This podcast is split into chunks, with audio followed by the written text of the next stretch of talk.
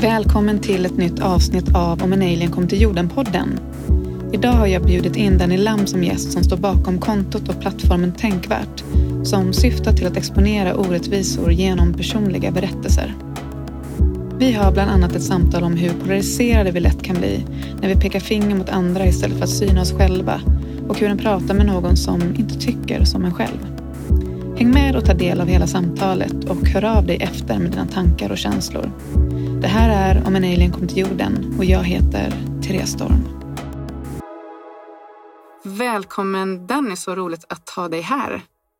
Tack så mycket. Tack så mycket för att jag fick vara med i din podd. Du driver ju den populära plattformen Tänkvärt med syftet att exponera orättvisor genom personliga berättelser. Berätta, hur föddes Tänkvärt? Det föddes, eh, vad ska man säga, jag har ju varit med om eh, mycket sedan barnsben och då har det varit allt från liksom, men mobbning till det här vardagsrasismen som man kan uppleva antingen av eh, främlingar eller också av liksom, eh, klasskamrater. Så för mig mm. har det alltid legat liksom i bakhuvudet. Men jag har inte riktigt kunnat sätta ord på vad det är jag varit med om. Mm. Ehm, så när jag väl fick lära mig om eh, olika begrepp, men också började umgås med människor som är insatta i de här frågorna, så började jag inse hur mycket saker jag upplevt. Eh, och jag kände bara att kan man på något sätt omvandla de här erfarenheterna till kunskap för att få folk att förstå hur det ser ut i Sverige. Ett land som många mm. anser är liksom jämlikt. Så det var väl så det började och eh, jag ville faktiskt skapa en bok, en fysisk bok med sådana här mm. berättelser för att man ska kunna ge bort det till en, kanske en kompis som inte är så insatt i de här frågorna och låta dem läsa lugn och ro om de här upplevelserna som många upplever i Sverige. Mm. Uh, och uh, det var väl så det började, men som du vet så är det väldigt svårt att hitta bokförlag och allt det här runt omkring. Så det låg ju sen på is och det jag gjorde Eh, bestämde mig för var att starta ett Instagramkonto där jag liksom mm. skriva av mig och bara liksom lyfta människors erfarenheter. För att jag anser att det finns mycket kunskapsvärde i att bara läsa och få höra hur det ser ut. Utan mm. att för den delen stå och peka finger bara, du är rasist. Du, du ska sluta mm. med det du gör. Liksom. Utan jag vill att folk ska själva sitta ner och få, jag vet inte, få liksom tänka lite själv och känna att oj, så här får det absolut inte se ut. Jag vill engagera ja. mig. Liksom. Eh, så det är så det började i alla fall. Alltså, du drar mig direkt till um, något som jag funderat på uh, mycket och det är just det där att, att det känns som att genom att då berätta olika personliga berättelser beroende på vem som tar del av dem så är det ju en del som direkt tycker att det är um, anklagande. Mm. Vad har du att säga om det? Precis.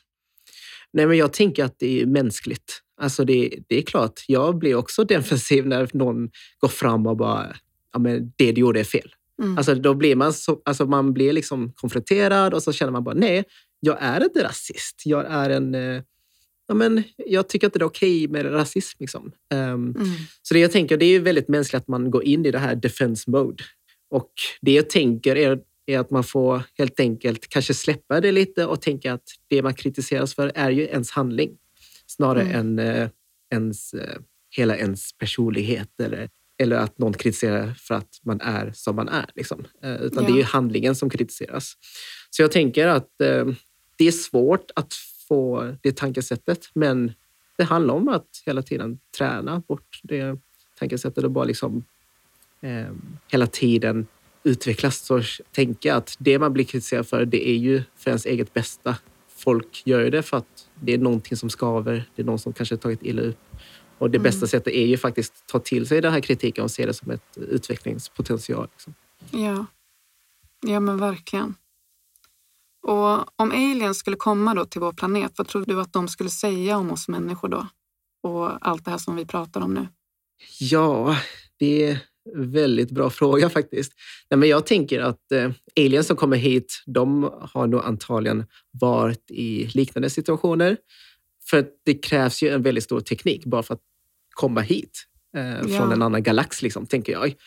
Eh, och antagligen har de haft liknande utvecklingsstadier som vi har nu i mänsklighetens eh, historia. Liksom.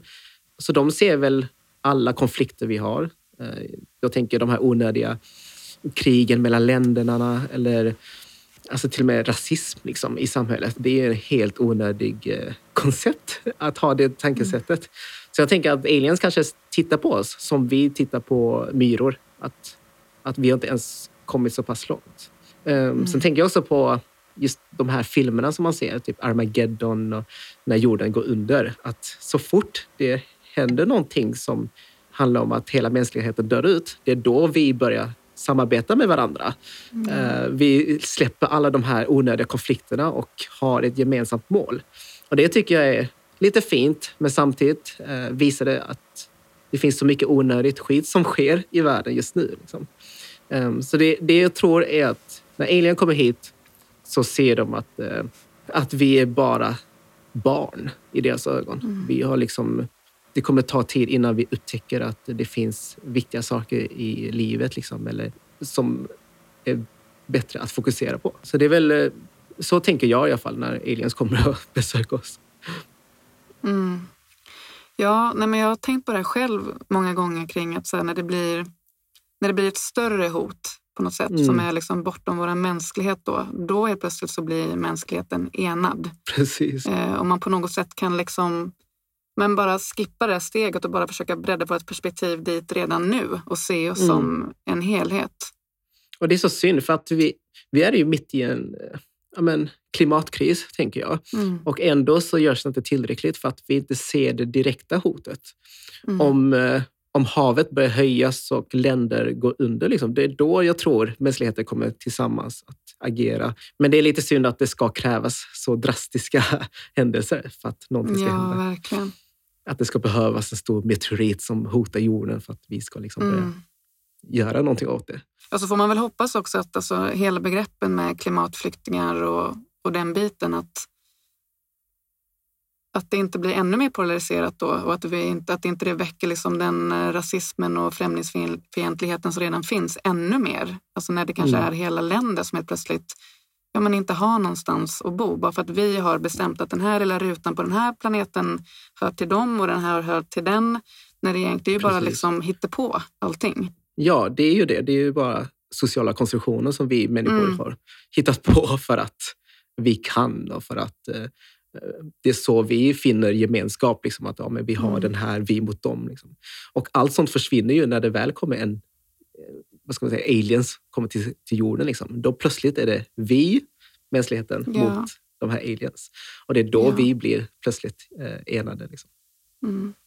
Förstår jag dig rätt att du ändå tänker att när faktumet med klimatflyktingar blir, det är ju redan en fråga, men när den blir mm. väldigt mycket större. Tänker du att vi, vi kommer hantera det eh, på ett medmänskligt sätt? Eller tror du att vi kommer bli mer polariserade och vilja stänga gränserna ännu mer? Hmm. Bra fråga faktiskt. Nej, men jag tror när stora makter, eller om vi tänker på västvärlden, liksom, när det väl är den världen som hotas, det är då vi kommer att kunna sätta oss in i de här de som flyr idag. Liksom. För mm. att jag tror det är just det som fattas. Det är inte många som förstår hur den situationen ser ut. Ja. Utan man tänker mycket på att ja, men, vi ska bara skydda våra egna. Eh, men vad innebär liksom våra egna ens? Um, mm. Så när det väl drabbar västvärlden eller den globala nord, som man kallar det, så tror jag att man börjar förstå hur det ser ut och börjar liksom faktiskt agera på riktigt och försöka finna ja. lösningar tillsammans. Och det är jättesynd att det ens ska behövas vara så. Liksom. Men tyvärr, jag tror det är så vi människor fungerar. Verkligen. Ja, jag hoppas också verkligen det. Att eh, mm. vi kommer kunna mötas mer. För jag tänker att den polariseringen som vi ser i samhället idag, den växer sig allt starkare. Och mm. Det jag frågar mig ganska ofta är liksom, hur, hur ska vi göra för att möta varandra när vi har olika åsikter? Vad tror du är det bästa sättet att... Jag tänker att mötas är ju det enda sättet. Annars så blir vi ju ännu mer polariserade, eller hur? Mm, exakt. Ja, jag har ju mött många som är mina motståndare, liksom, eh, tänkvärt. Och jag försöker väl nå ut till dem genom att eh, bara liksom berätta hur det ser ut och få dem själva att eh, men, sitta själv ner och fundera på vad som faktiskt sker. Eh, mm. Och det gör jag för att jag vet att det vi pratade om innan, liksom, där att man blir defensiv. Man vill alltid ha rätt och man vill man vill inte riktigt lyssna på eh, den andra sidan för att man mm. anser att den har fel. Så det, då är det bättre att liksom bara se ur ens perspektiv utifrån mina egna känslor, för det kan de inte riktigt heller avfärda, för att det här är ju mm. mina känslor som jag själv äger. Sen, får, sen är det upp till dem att lyssna på dem. Men eh, jag tror det är bra att utgå från en själv, berätta hur man upplever de här sakerna och sen bara liksom plantera de här idéerna så att de själva kan eh, få fundera själv. Och, mm. eh, ja, um, så det, jag tycker det är bra att man möter de här personerna. Uh, sen såklart, det krävs ju mycket energi. Att sitta ja. ner en och en och försöka få dem att förstå en situation. Liksom. Och det är ju inte hållbart. Men uh, jag vet inte, påverkar man en så kanske det skapas någon slags dominoeffekt. Kanske mm. den här personen börjar sitta runt fikabordet med ens eh, kollegor. Att man liksom där startar den konversationen. Så mm. jag har en ganska optimistisk eh, synsätt tror jag. Att jag mm. tror mm. att vi människor, eh, när vi väl förstår varandra och har den empatin så tror jag att eh, det kommer skapas någon slags dominoeffekt liksom, av sig mm. själv. Finns det, no för det, är ju, det är många också som tycker att vissa samtal inte ska föras. Eh, finns det några som du tycker att, att det liksom, vi inte ens ska ha ett samtal med? Ja, eh, alltså jag... Ibland tar jag upp ganska kontroversiella ämnen och så för att det är så känsligt ämne. Eh, nu senast eh, så pratade jag allmänt om just det här med pedofilistörning.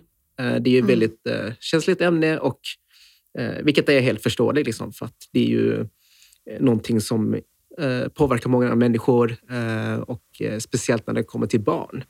Mm. Ehm, men det jag tog upp var helt enkelt om just det här med eh, att inte se pedofiler som monster för att vi behöver kunna prata om det och inse att det, faktiskt, det kan vara personer i ens närhet. Det är inte någon ja. gubbe i buskarna som hoppar fram liksom, eller ett monster som ingen riktigt vet vem det är. Och det har ju fått många reaktioner. Eh, många tycker att jag försvarar pedofiler, eller, eh, vilket gör det väldigt svårt att ens ha en objektiv diskussion.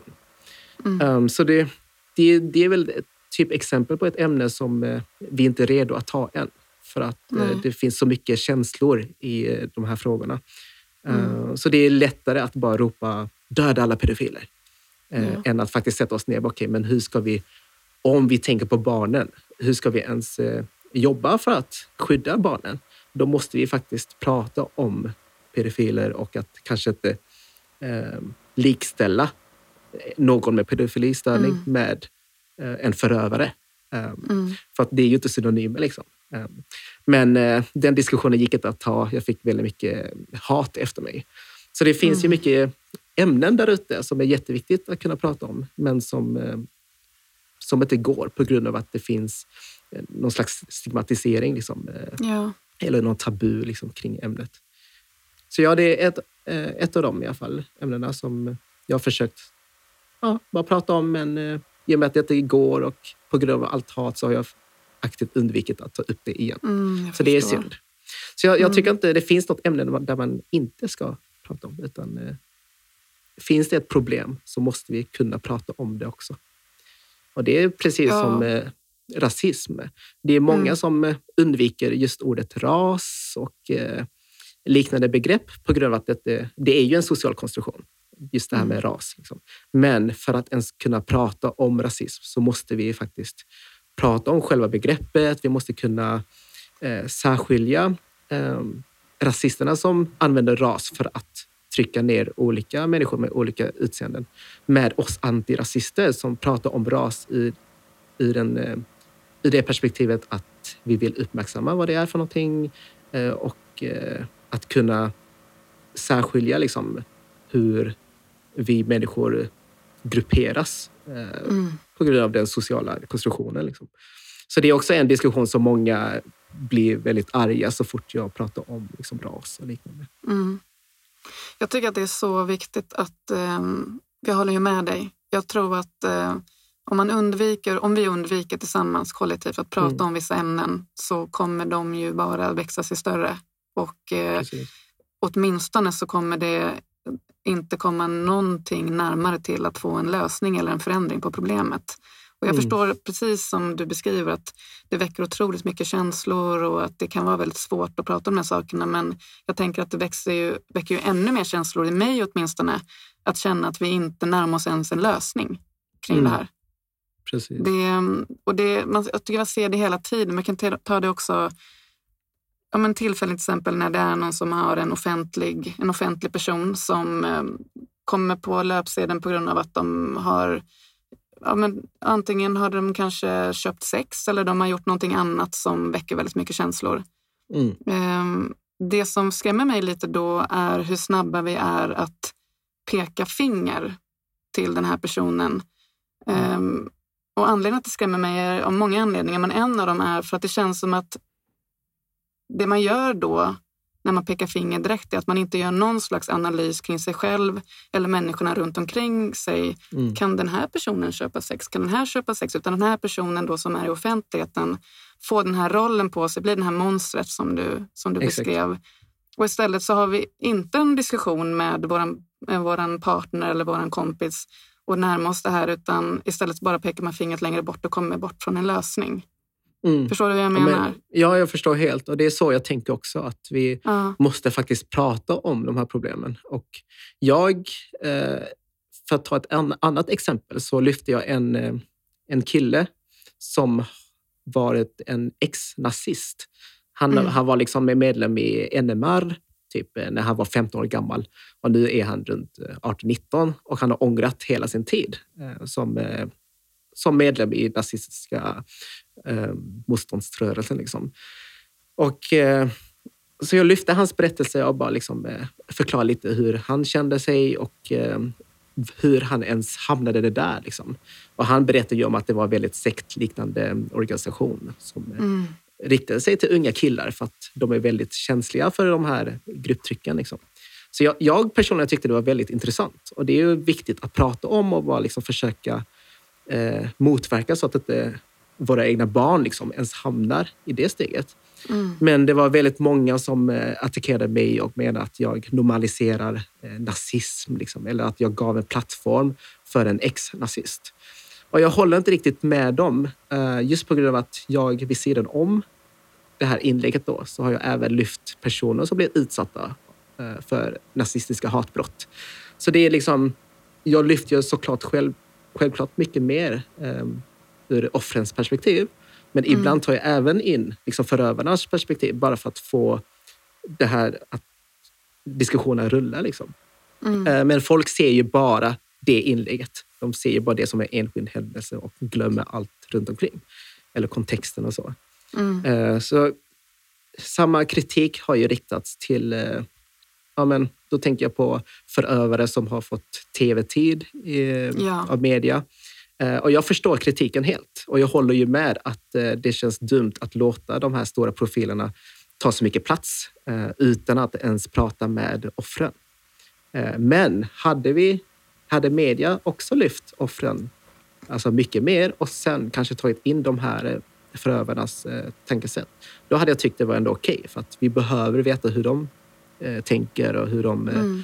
ens hamnar eh, ens hur de liksom hamnar i det där de är just nu. Liksom, för att kunna jobba för att motverka de här. Ja.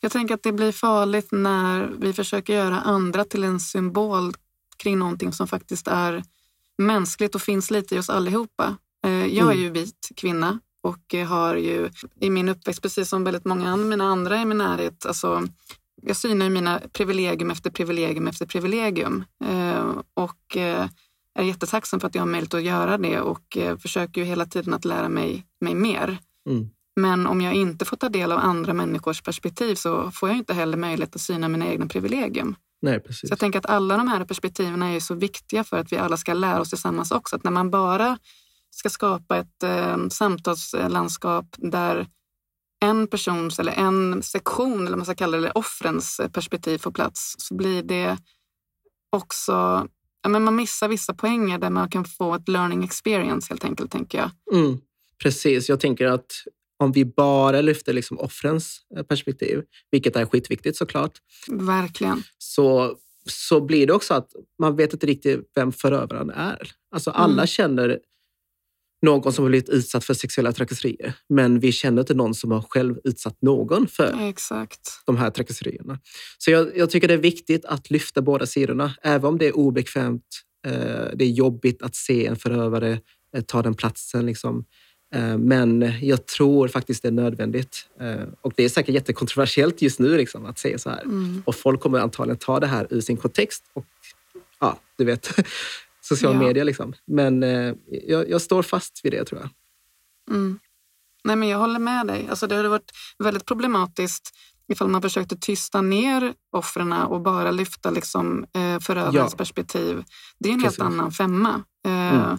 Men den eh, dokumentären som diskuteras väldigt friskt just nu, som jag faktiskt Mm. såg igår, Okej. Ehm, den, ehm, ja, det är alltid spännande att se det här, för det, är ju väldigt mycket mixed emotions. Man får ju väldigt mycket Mm. blandade känslor. Och jag känner själv också hur, jag, hur liksom mitt dömande väller ur mig. Eh, där jag liksom får ehm, nästan ta fatt i mig själv och, och försöka liksom påminna mig själv att det faktiskt är en människa framför mig.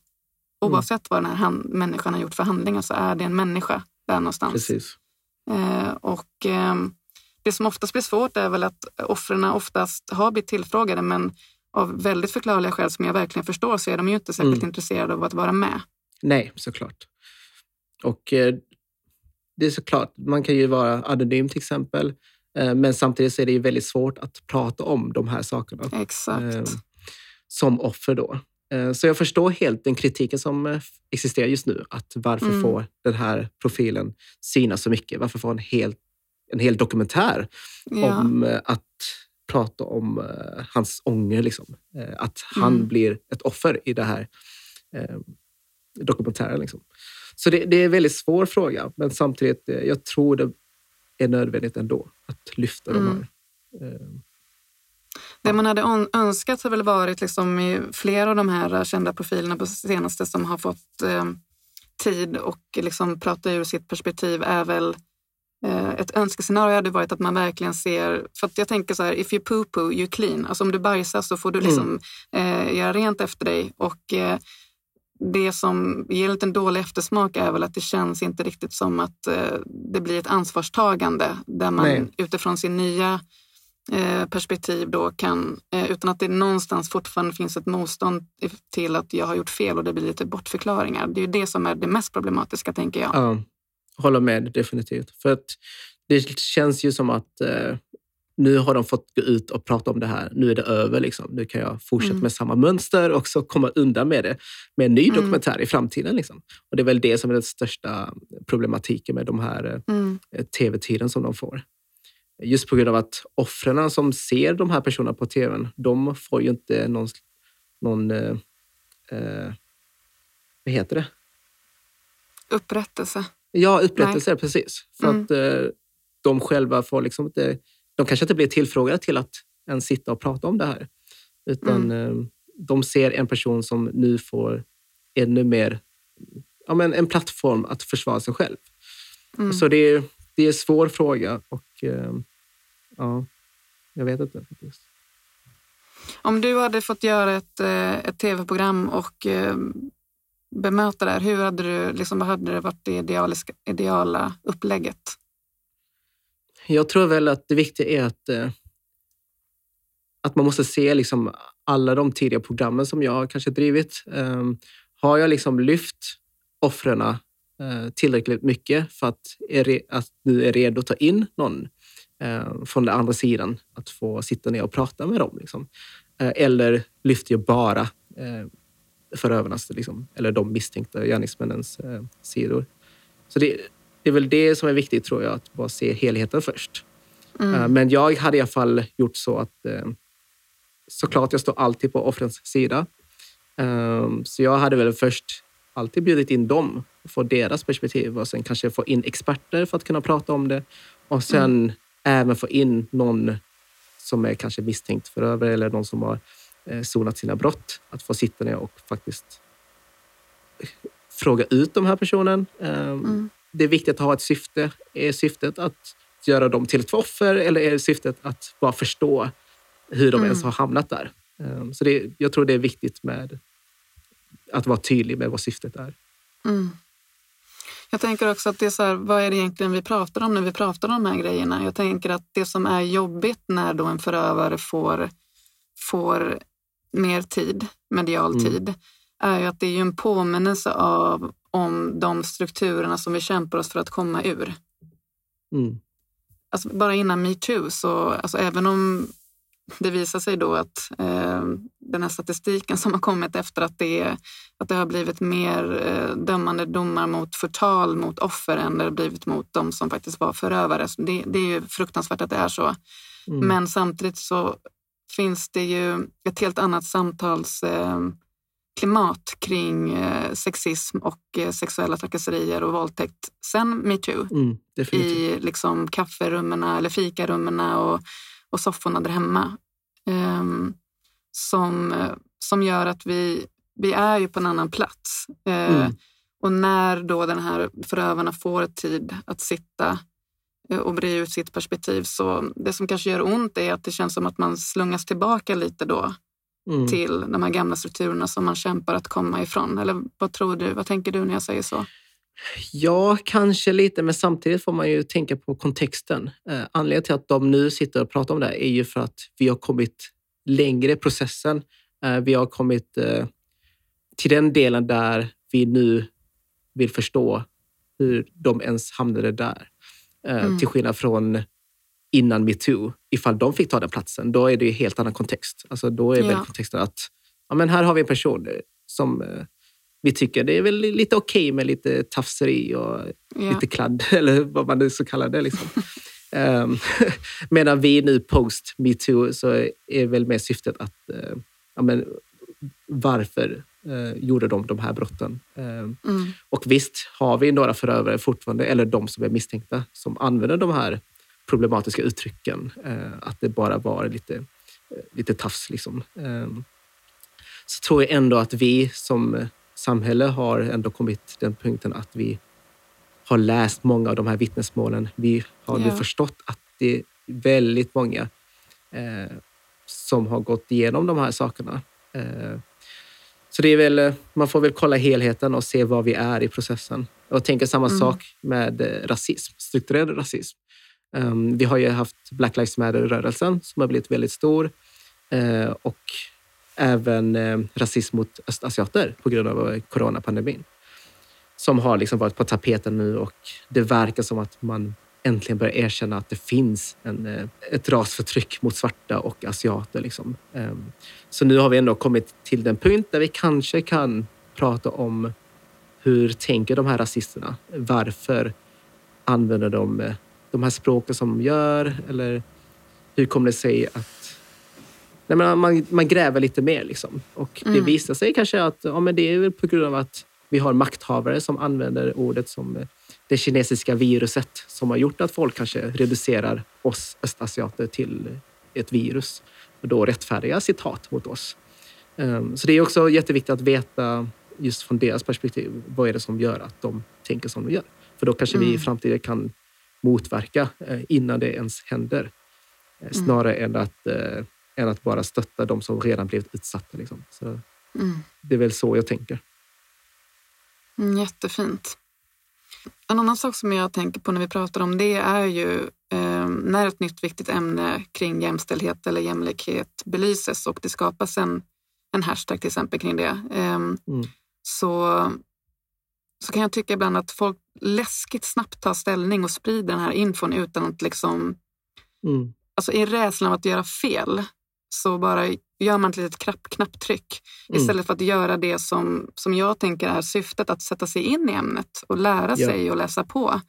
Eh, och det samtalsklimatet som kan skapas i samband med det upplever jag också tillåter liksom inte några frågor utan frågar man så är man automatiskt då emot någonting.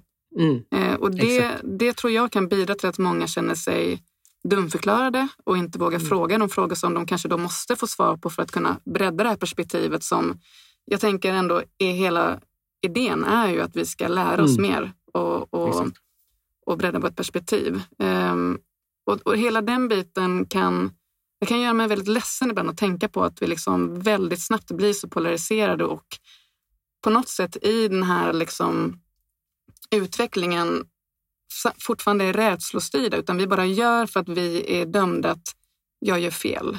Mm. Liksom. Vad tänker du kring det när jag säger så? Jag tänker direkt på att eh, det väl på grund av social media så blir det väl någon slags trend att hela tiden följa de här sakerna för annars så ses man som eh, det motsatta. Och då tänker mm, jag på specifikt om det här svarta rutan som man använder under Black mm. Lives Matter. Eh, syftet var ju jättebra. Det, det, är väl bara att visa att ja, men nu tar vi en blackout på sociala medier och vi uppmärksammar alltså polisbrutaliteten i USA mot svarta.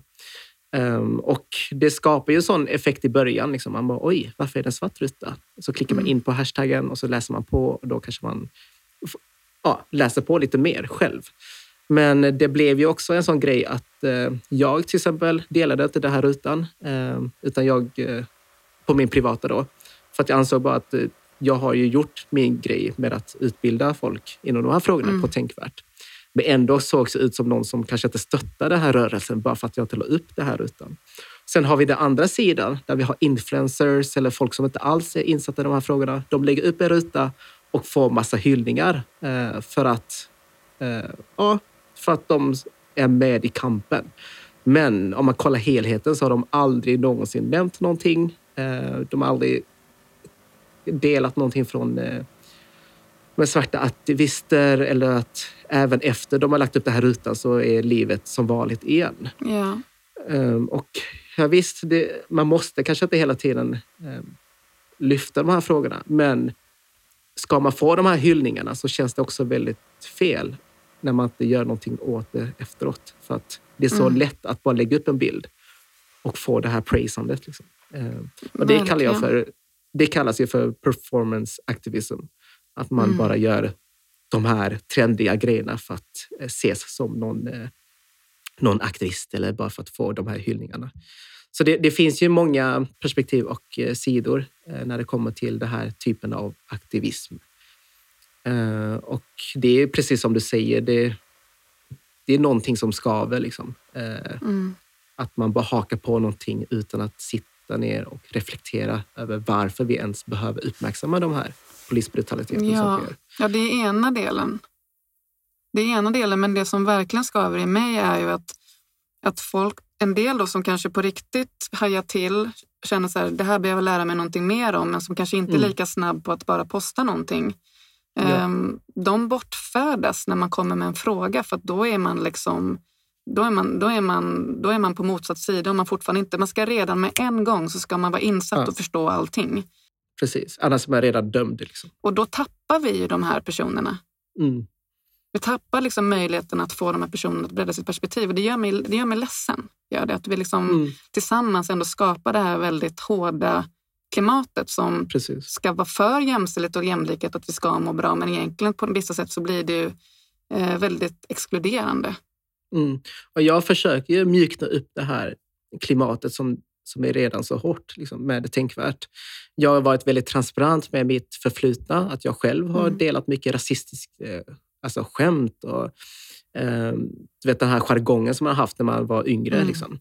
Vilket också sker fortfarande såklart. Men jag har varit transparent med det och visat att alla kan utvecklas. Och det är det som är syftet med hela den aktivismen jag bedriver. Att vi själva ska checka oss själva Eh, att vi ska inse vilka saker vi har gjort och gör och försöka hela tiden bättra oss. Eh, så jag, det är så viktigt att normalisera det här beteendet. Liksom, att eh, mm. granska sig själv och våga vara nyfiken. Och att vara öppen för kritik. Liksom. Och det är väl mm. det klimatet jag försöker skapa för att undvika det här skuldbeläggandet för att du inte är så insatt. Att du är, ja. du är privilegierad och du behöver inte liksom läsa om de här sakerna. Liksom. Um, utan uh, försöka ändå skapa en kultur där vi tillsammans kan stötta de som genuint vill veta mer. Uh, mm. Sen finns det såklart troll som bara vill provocera och inte se sina uh, rasistiska uttryck liksom, i vardagen. och de behöver man kanske inte lägga så mycket energi på. Men de som Nej. faktiskt vill då är det bättre att inkludera dem så att de också själva sen kan utbilda andra i sin omgivning. Mm. Och skapa det här, eh, som jag nämnde tidigare, liksom, dominoeffekten. Få folk Ja. att efter varandra Verkligen. utbilda andra. Mm. Samtidigt som jag verkligen i samma andetag vill säga att man såklart inte ska lägga ansvaret på vissa personer Nej, nej. att bara utbilda alla hela tiden. Men jag tänker att vi alla kollektivt behöver Mm. liksom... Jag tänker att det vi kollektivt, vi andra som bara kanske postar en ruta och gör någonting, att, att vi Mm. tillsammans får hjälpa till och, och sprida kunskapen. Precis. Tänker jag. Jag tänker ju att det i grunden, alltså, om man bara tittar tillbaka liksom, så tänker man ju att alltså, vi alla är ju människor och det är klart vi inte är direkt insatta i de här frågorna bara för att man själv har upplevt saker och ting eller att man känner någon som har upplevt de här sakerna. Att vi måste förstå att det är en ständig process, eh, även för oss som blir utsatta för rasism, att hela tiden lära oss, eh, att hela tiden få de här verktygen att ens kunna prata om det. Um, och det var så jag började, för att jag fattade inte alls vad jag varit med om förrän jag fick lära mig om vad vardagsrasism betydde. Liksom. Ja. Om hur mikroaggressioner ser ut i samhället. Det var först då jag började granska mig själv utifrån att jag själv har varit ett off- offer. Eh, och så tänker jag kan applicera sig i allt förtryck vi har i samhället. Alltså även Mm. när vi kommer till eh, alltså sexuella övergrepp till exempel. Det finns ju fall där man som offer inte ens förstått vad som har skett. För att man inte haft Verkligen. det verktyget att prata om det. Eller... Så jag, jag tänker det är, det är mänskligt och det får vi inte glömma. Att vi alla har varit, eller är, i, ett, i det stadiet att man inte riktigt eh, förstår liksom vad som har hänt. Och då måste vi faktiskt hjälpa varandra och Mm. eh, kollektivt liksom, utbilda varandra. Även om det kanske krävs lite energi, men eh, orkar man så gör det. Tycker jag. Verkligen. Och det, de dagar man inte orkar, då ska man inte göra det heller. Nej, Utan då får någon annan göra det, eller hur? precis. Ja. Mm. Ehm, Du blev ju nyligen själv utsatt för ett drev med de här gamla eh, likesen och posterna som Mm. du har gjort för över tio år sedan. Som de menar att du hade försökt mörka då. Eh, Mm. Där frågan ställdes om du nu hade tänkt cancella dig själv. Och sen Mm. visade det sig ju att du, du har ju pratat öppet om det här Ja. om dina beteenden liksom i podd och, och så. Så att, eh, det blev ju inte riktigt den, den poängen som de kanske hade önskat. Men kring det här kring cancellingkultur. Om det är någon som lyssnar nu som inte vet vad det är för någonting, kan inte du förklara lite grann snabbt vad det är?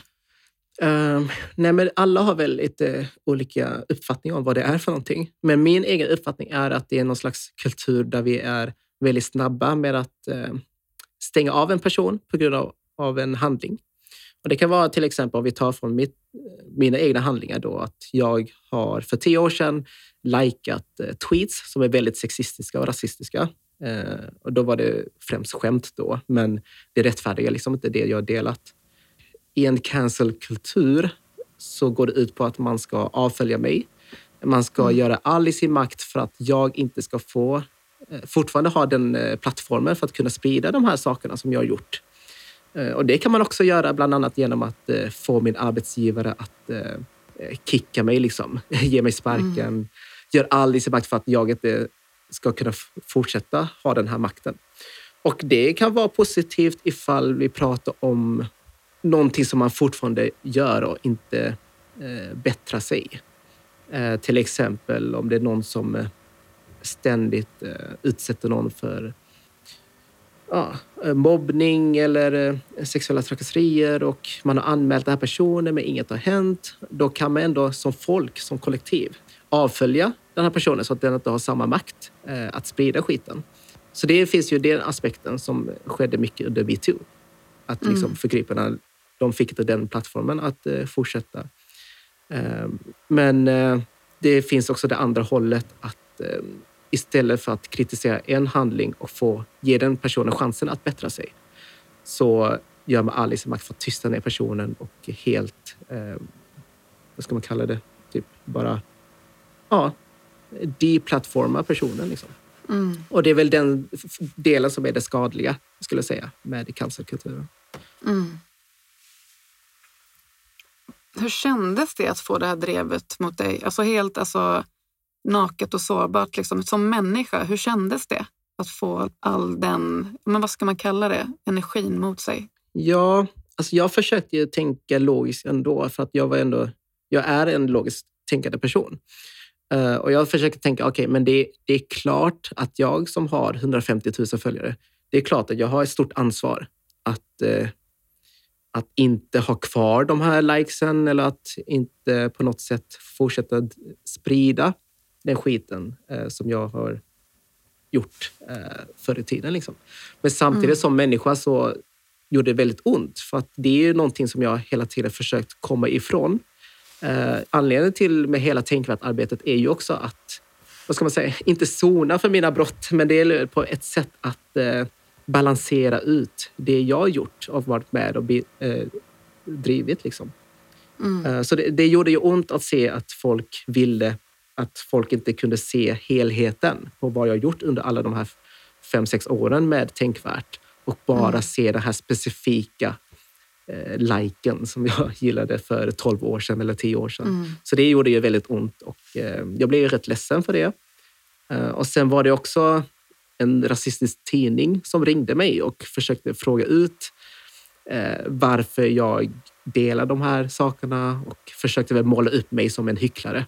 Och det mm. fick mig att också eh, känna att jag kanske inte borde fortsätta driva Tänkvärt mer för att jag nu målas upp som en hycklare. Liksom. Uh, så det, det, kom väldigt mycket känslor på en och samma gång. Men uh, på något sätt så lyckades jag ändå ta tillbaka makten lite genom att skriva mm. det här inlägget och förklara mig själv.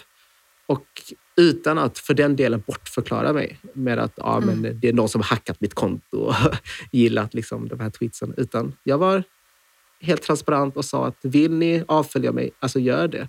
Eh, för jag förstår er i så fall. Men eh, jag vill bara säga till er att eh, alla vi människor har haft ett sånt här förflutet och det är en ständig process att hela tiden bättra ja. sig och granska sig själv. Liksom. Så det är, väl, det är väl det efter det inlägget som fick mig att vara okej, okay, men nu mår jag lite bättre för att nu har jag ändå visat min sårbarhet och mm. är öppen med mitt förflutna. Liksom. Jag tänker att det, det som är nyckeln lite grann om man ska ta ihop säcken lite grann kring det vi pratade om tidigare med de andra förövarna som vi nämnde. Det som saknas är ju att man inte visar sig sårbar. Mm. Det är så viktigt att visa sig sårbar och mänsklig, mm. tänker jag.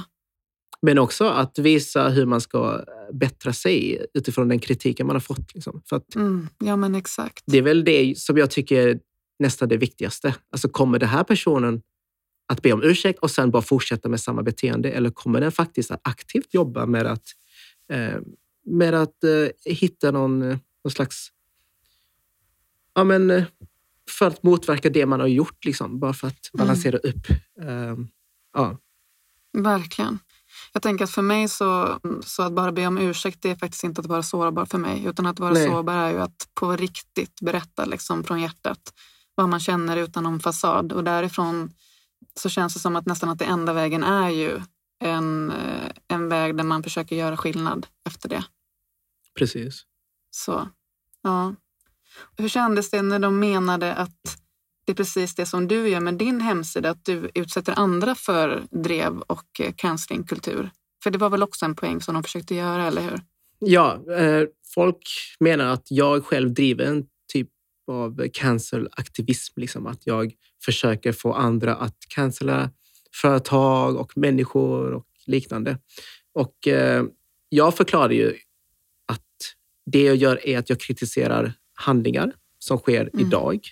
Och det är väl den största skillnaden med eh, de andra som kritiserar hela mig för något jag gjorde för tio mm. år sedan. Och kritik är ju inte synonymt med eh, uppmana någon till att bojkotta ett företag eller en människa till och med. Eh, utan kritik behövs. Det är så vi hela tiden utvecklas. Det är så vi hela tiden bättrar och skapar en klimat där mm. alla kan känna sig inkluderade.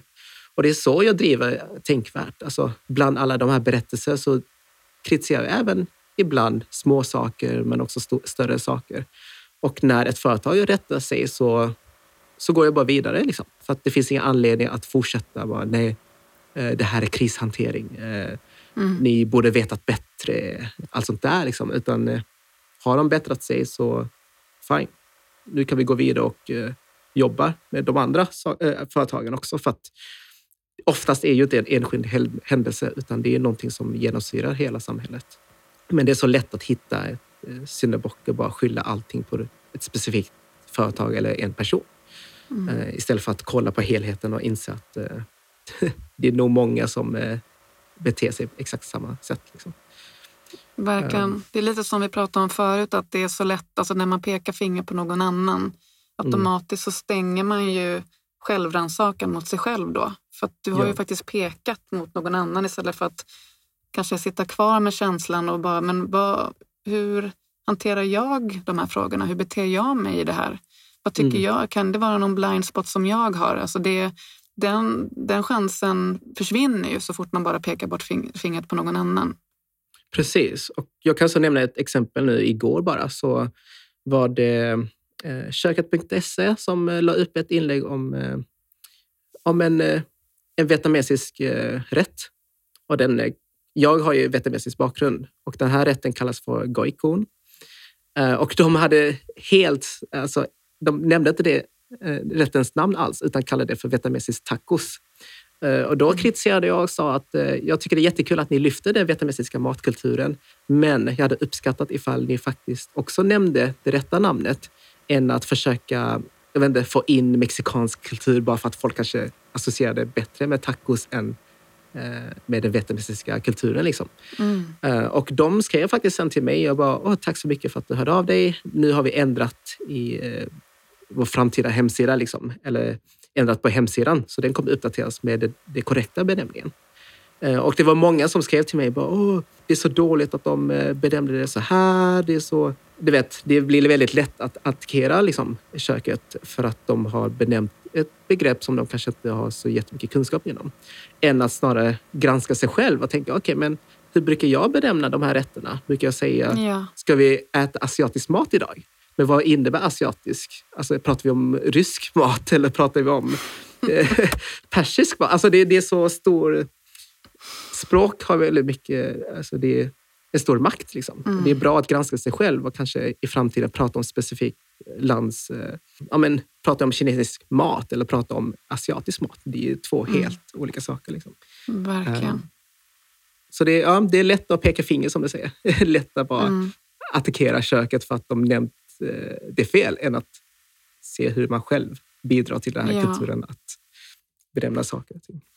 Ja, då tänker, det tänker jag att vi alla måste påminna oss själva om varje dag. Typ, vad, vad har jag pekat fingret mot idag? Mm. Vad, vad borde jag istället peka liksom inåt mot mig själv och, och se över hur jag hanterar det eller hur jag ja, men, pratar om det. Mm. Um, jag menar ju verkligen att uh, jag känner att vi delar det båda två. Att så här, det, man måste hämta hem det till sig själv hela tiden helt enkelt. Mm. Det är det jag försöker säga. Och ibland så missar man. Ja, ja. Och, och då får man ju hoppa på hästen igen så att säga. Mm. Och sen när jag kritiserar något företag och liknande så betyder det inte att jag har helt problemfritt eh, bakgrund heller. Liksom.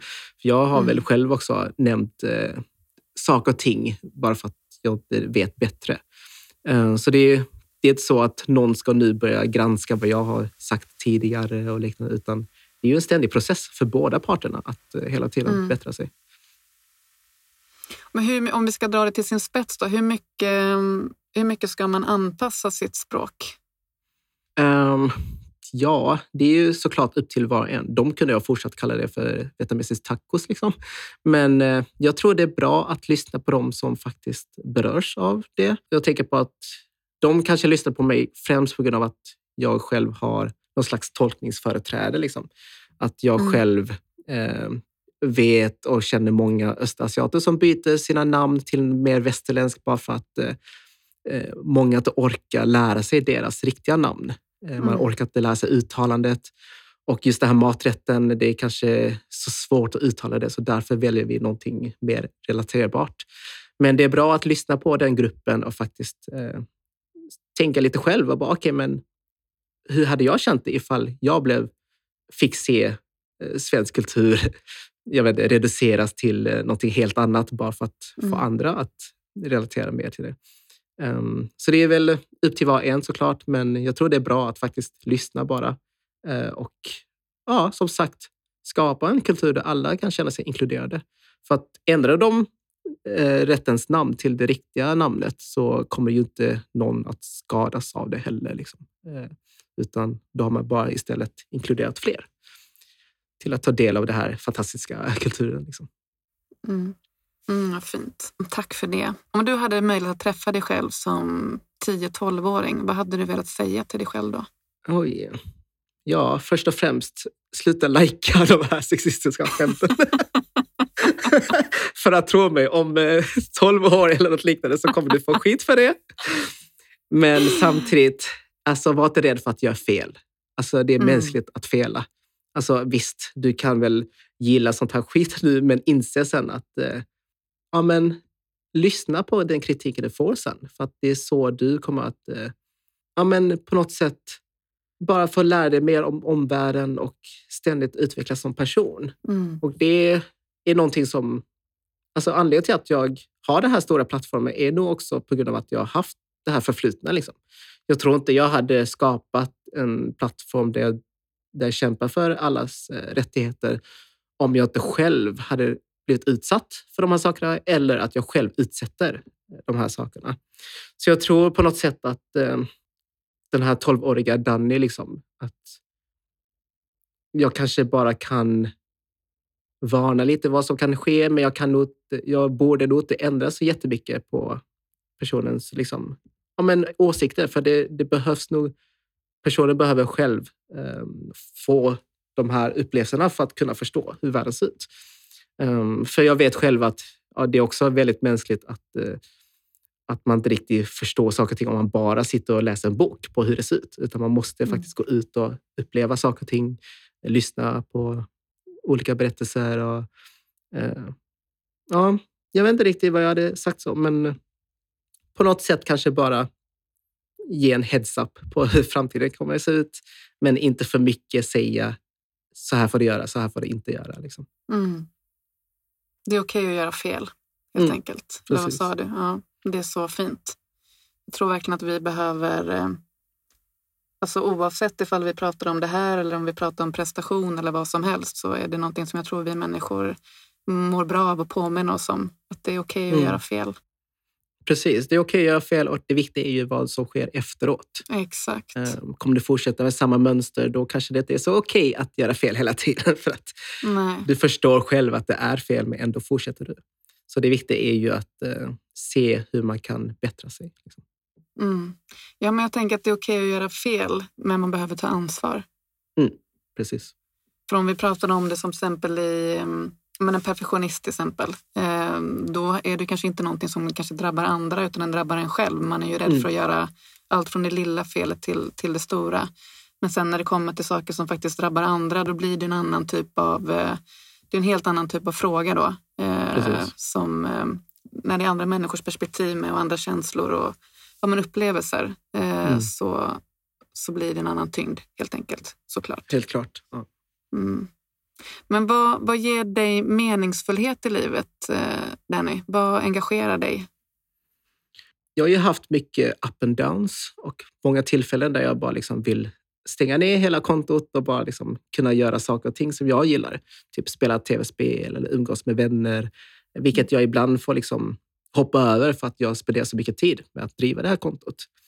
Men det som ger mig motivation till att fortsätta är ju alla meddelanden jag får av främlingar. Folk som jag inte visste att de ens fanns för att de är bara siffror för mig. När de skriver till mig och tackar för att eh, de har fått en ny kunskap eller att fått en förståelse för saker och ting. Och att de själva nu bedriver liknande aktivism och försöker utbilda sina nära och kära. Det, alltså det, gör mig, det gör mig så glad för att det visar att eh, att det arbetet jag gör är viktigt, men också att det faktiskt påverkar folk till att eh, göra någonting själv och bidra till en, en bättre värld, eller vad man ska kalla det. Eh, så det är väl främst det som får mig att eh, om om få den drivkraften som behövs för att kunna fortsätta driva kontot utan att gå in i väggen. Liksom. Mm. Mm, vad fint. Har du funderat någon gång på, på hur framtiden kanske ser ut om tio år? Um, ja, tio år. Jag vet faktiskt inte. Jag tror jag är en person som bara lever i nuet ganska mycket. Just för att Alltså förr i tiden så tänkte jag väldigt mycket på framtiden. Om vad vill jag bli? Vad ska jag utbilda mig inom? Eh, var ska jag bo någonstans? Och hur mycket ska jag tjäna? Och allt sånt där. Men idag, alltså, jag märker att, att jag behöver leva i nuet lite. Bara för att inte känna så mycket press. Eh, känna mm. att jag ständigt måste veta var jag står någonstans. Utan leva i nuet, se vad, vad saker och ting leder till. Fortsätt driva kontot som jag gör nu utan att för den delen tänka hela tiden på att bli större och större och större. Liksom. Mm. Eh, och jag tror det kanske är lite det som har gjort att plattformen har blivit så stor. För att jag har aldrig tänkt på att jag gör det för siffrornas skull, utan jag gör det, gör det främst för de här personerna som läser liksom, och, även för mig själv. Eh, för att det är också en ständig utveckling för mig att lyssna på andras berättelser och lyfta dem. Så för, ja, om tio år, jag vet faktiskt inte var jag är någonstans då, men eh, jag hoppas att jag är på en eh, plats där jag är mer säker i mig själv, vet var jag står mer och kunna ändå blicka bakåt och se hur mycket jag åstadkommit på de här tio åren. Liksom. Nej, men jag, jag tror jag tar det som kommer och hoppas på det bästa. Liksom. Mm, fint. Ja. Men det är ju, jag tänker att, att leva i nuet eh, betalar ju folk eh, jättemycket pengar för att gå olika kurser och allt möjligt för att göra. Så att det, det är ett jätte, jättefint svar, tänker jag, som eh, men vi vet ju också, alltså, mycket forskning kring mindfulness och allt möjligt visar ju också Just vad det. det. faktiskt gör oss att, att vara i nuet. Mm. Så. Ja, men det är så skönt att bara släppa allting. Liksom. Ja, men då tänker jag mer på om en, var ska jag bo om fem år? Eh, mm. Kan jag verkligen fortsätta bo som jag gör nu eller kan jag fortsätta ha det här jobbet som jag har nu? Det, det är så mycket saker som hela tiden ligger i bakhuvudet och det är en ganska mm. jobbig känsla att vad man gör så måste man tänka på att det här kommer påverka min framtid. Men yeah. om jag släpper det här lite och bara känner att nej men, låt mig njuta av det, den tiden jag har just nu. Låt mig mm. liksom bara liksom köra mitt eget race så kommer ändå allting att lösa sig till slut. För det är det det har gjort hittills. Eh, och mycket av de planeringar jag gjorde för tio år sedan, alltså inget av det har gått i uppfyllelse. liksom. Och ändå står jag här och mår hur bra som helst. Så jag tror det är en mm. bra påminnelse eh, att påminna sig själv om att ja, men, hur planerade jag för tio år sedan? Jag hade de här drömmarna, men de mm. slog inte in. Men ändå går det hur bra som helst. Jag, jag lever mm. idag. Liksom. Så, ja. Eh, ja. Vad tror du, alltså varje generation har ju sin prägel, vi är ju barn av vår tid. Vad tror du är den största liksom, existentiella frågan som din generation ställer sig? Men det är väl kanske miljöfrågan, tänker jag. Mm. För att det är så nära oss just nu med hur det ser ut. Alltså om vi bara tänker på hur länge jorden har funnits liksom, och hur mycket vi människor påverkat det senaste hundra året. Det, det är ju, ja, vi är ju mitt i en klimatkris, så jag tror ändå att eh, den här generationen, eller den generationen efter mig, liksom, kommer ha det väldigt kämpigt med just klimatet. Och det är något som vi borde fokusera på idag. Och hade jag inte bedrivit just jämlikhetsfrågan så hade jag nog fokuserat mycket på miljöfrågan. Och de går ju lite hand i hand också. Verkligen. Eh, tar vi inte hand om vår planet så påverkar det ju väldigt mycket ja, men, lokalbefolkningar liksom, och mm. Eh, det globala syd. Liksom. Så det är, det är väl en fråga som jag tycker det är jättebra att det är uppe på tapeten just nu. Ehm, mm. Det är bara det att det är synd att den äldre generationen kanske inte tar det på samma eh, allvar. Kanske mm. för att man, ja, men man, man ser inte hotet direkt framför, mig, eh, framför en. Liksom. Mm. Så det är väl det som, är, som vi pratade om lite där i början, liksom, att det behövs ett, ett hot mot hela mänskligheten framför oss för att vi ens ska börja agera. Liksom. Eh, så det är väl det som är det största problemet just nu. Ja, jag tänker så att för att hotet finns ju, men vi måste konkret se det på något sätt också. Mm. Eller hur? Exakt. Det, det är för liksom abstrakt på något sätt. Det, ja, men tack Precis. för det. Vi har kommit fram till frågorna som jag ställer i slutet till alla gäster. Eh, mm. Och eh, den första frågan är, vilken norm skulle du vilja ändra på Denny och varför skulle du vilja ändra på den? Oj, bra fråga. Norm.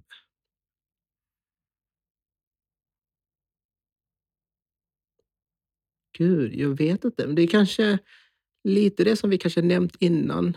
Ehm, just det här med att, att börja normalisera det här med utvecklingen. Liksom. Att vi människor, det är okej okay att göra fel. Liksom. Eh, frågan är vad man gör efteråt. Och det jag vill skapa som en norm är ju det här med att eh, vi alla människor ska kanske börja liksom granska oss själva och inse att det är okej okay att göra de här misstagen. Eh, och det viktiga är liksom vad vi gör idag. Hur beter vi oss för att motverka det vi har själva varit med och bidragit om? För att jag tror, om alla gör så, så tror jag faktiskt att vi kommer kunna komma väldigt nära just, just jämlikhet. För att får mm. vi ny information hela tiden, ny kunskap och hela tiden bättre oss, så tror jag faktiskt att ja, på något sätt kommer vi ändå kunna nå så nära jämlikhet eh, som vi tror vi kan nå i alla fall. ja, jag vet inte om det var flummigt, men eh, ja. Nej, hållet, jag kände jag satt där och nickade hela tiden när du satt och pratade för att det, jag, jag delar verkligen den åsikten. Jag tror att så här, ansvar behöver tas där ansvar ska tas. Men mm. utöver det så behöver vi vara mänskliga mot varandra för mm. att nå dit. Och då kan vi verkligen uppnå det som vi faktiskt kämpar för, väldigt många av oss. Precis. Så, så att, ja, nej men verkligen. Tack för det. Tack. Nu skulle jag jättegärna vilja veta lite grann om en person som har inspirerat eh, och präglat dig i livet. Vem tänker du på då? Jag tror det är då min mamma, tror jag. Just för att hon har liksom haft så mycket i sitt bagage, men hon har inte riktigt fått en plattform att kunna prata om det. Så hon har ändå mm. kanske använt mig att kunna prata om, eh, om en flykten från Vietnam till Sverige, om all rasism hon har varit med om på jobbet. Liksom, eh, på grund av att mm. hon har inte jättebra svenska. Hon ses alltid som det här invandrarmamman som ja, men folk värderar inte henne. Liksom.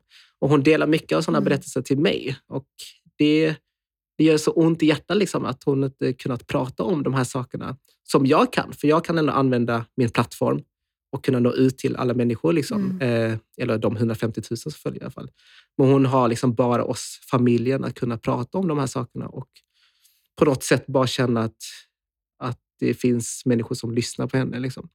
Mm. Eh, så det, hon har väl alltid varit en slags inspiration eh, just för att hur stark hon är. Liksom. För jag har ju haft det privilegiet jag har idag med att ens kunna driva det här kontot tack vare henne. Eh, mm. Som inte behöver liksom, ja, fly från krig och svält och allt det här elände. Utan jag har fått väldigt jag har fått liksom, ja, men boende, jag har alltid fått stöd av henne och, och min familj. Liksom och kunna ha den utbildning jag har idag och ens kunna stå här och vara med i en podcast. Liksom. Eh, mm. Det är inte någon, hon får ju aldrig den förfrågan att ställa mm. upp på en eh, intervju och kunna prata om sina tankar. Liksom, utan hennes berättelse är i ett vakuum just nu och det är bara jag och mina syskon som har hennes historia att kunna berätta vidare. Liksom. Och det mm. ja, lite synd att det är så, men eh, men ja, hon är en stor inspiration för mig i alla fall. Tack. Tack snälla för att du delade det. Vad behöver vi för att må bra i livet, tror du? Eh, jag tror vi behöver varandra, speciellt nu under pandemin. Visst, i början kanske det var skönt för många att ja, men nu, nu kan jag plugga hemifrån. Nu kan jag liksom, eh, finna min egen tid och liksom bara vara hemma och inte känna behovet av att gå ut och vara med på massa olika evenemang och så. Men jag tror ändå att vi människor är ett flockdjur, att vi, vi behöver varandra. Kunna bara liksom mm. finna någon trygg punkt, att bara sitta och prata med någon person, dela med sig av sina erfarenheter och bara veta att man blir hörd. Eh, mm. Så det är väl... Eh, ja, jag, jag, tror på det här med att vi människor behöver varandra faktiskt. Och mm. Det syns extra mycket nu under pandemin när många människor är ensamma. Ja. Tack, tack för det. Och Den sista frågan är om den som lyssnar nu då vill ha mer av dig, då vet de att de ska gå in på Tänkvärt. Mm. Men finns det något annat ställe som de kan följa dig om de, om de längtar efter mer av dig? Um, det är framför allt min podcast med min mm. kompis Ina den heter också Tänkvärt. Så man kan hitta på Spotify och Apple Podcaster. Annars så finns även mitt eh, privata Instagramkonto, Danny Lam med två A i slutet. Det kan man se om man vill. Mm, vad fint. Kan inte du berätta lite mer om er podd? Jo, men podden är ganska ny. Vi startade den eh, förra året i september. Och Ina som jag träffade, hon är faktiskt en av följarna som har följt kontot länge och hon, hon har alltid sagt att oh, men jag vill umgås med dig Danny för jag tycker du är så cool. så det, det, känns jättekul att bara liksom ha gått från en följare till en jättenära vän nu. Liksom. Bara sitta mm, ner och fint. prata om contenten jag lagt upp men också ha en, en plattform där vi bara kan sitta och vara oss själva och prata. Mm. För att många associerar nog kontot Tänkvärt med en, jag menar, en tidningsredaktion eller någonting större liksom, mm. som att det riktigt kan ja, få det här bemötandet. Så mm. podden är väl ett sätt för följarna att bara liksom lära känna oss lite mer och se att det faktiskt är en människa bakom de här inläggen. Mm. Så ja, det är väl lite olika ämnen vi lyfter, eh, men det är ju främst för att bara få folk att ja, men se baksidan av hela kontot. Mm. Gud vad fint. Men tack.